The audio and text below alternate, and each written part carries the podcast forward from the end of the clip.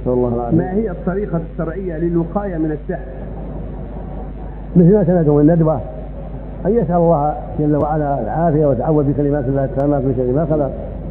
يقول النبي صلى الله عليه وسلم من قال بسم الله الذي لا يضر مع اسمه شيء في الأرض ولا في السماء وهو السميع ثلاث مرات لم يضره شيء. وكذلك إذا نزل بيت فقال أعوذ بكلمات الله التامات من شر ما خلق. لم يضره حتى يرفع من منزله ذلك. يكرر. الصباح والمساء أعوذ بكلمات الله التامات من شر ما خلق ثلاث مرات. بسم الله الذي لا يضر مع اسمه شيء في الأرض ولا في السماء وهو السميع مرات. كذلك قراءة الكرسي بعد كل صلاة وعند النوم من أسباب السلامة.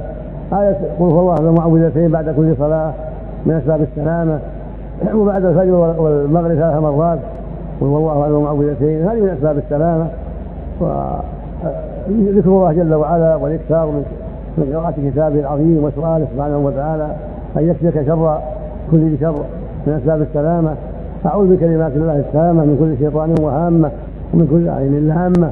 كذلك أعوذ بكلمات الله التامات التي لا أعوذ بكلمات الله التامات التي لا يجاوزها بر ولا فاجر. من شر ما خلق وذرأ وبرأ. من شر ما ينزل من السماء. ومن شر ما يعرج فيها. ومن شر ما ذرأ في الأرض. ومن شر ما يخرج منها.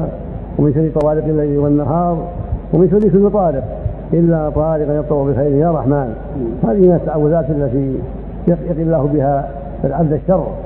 نعم.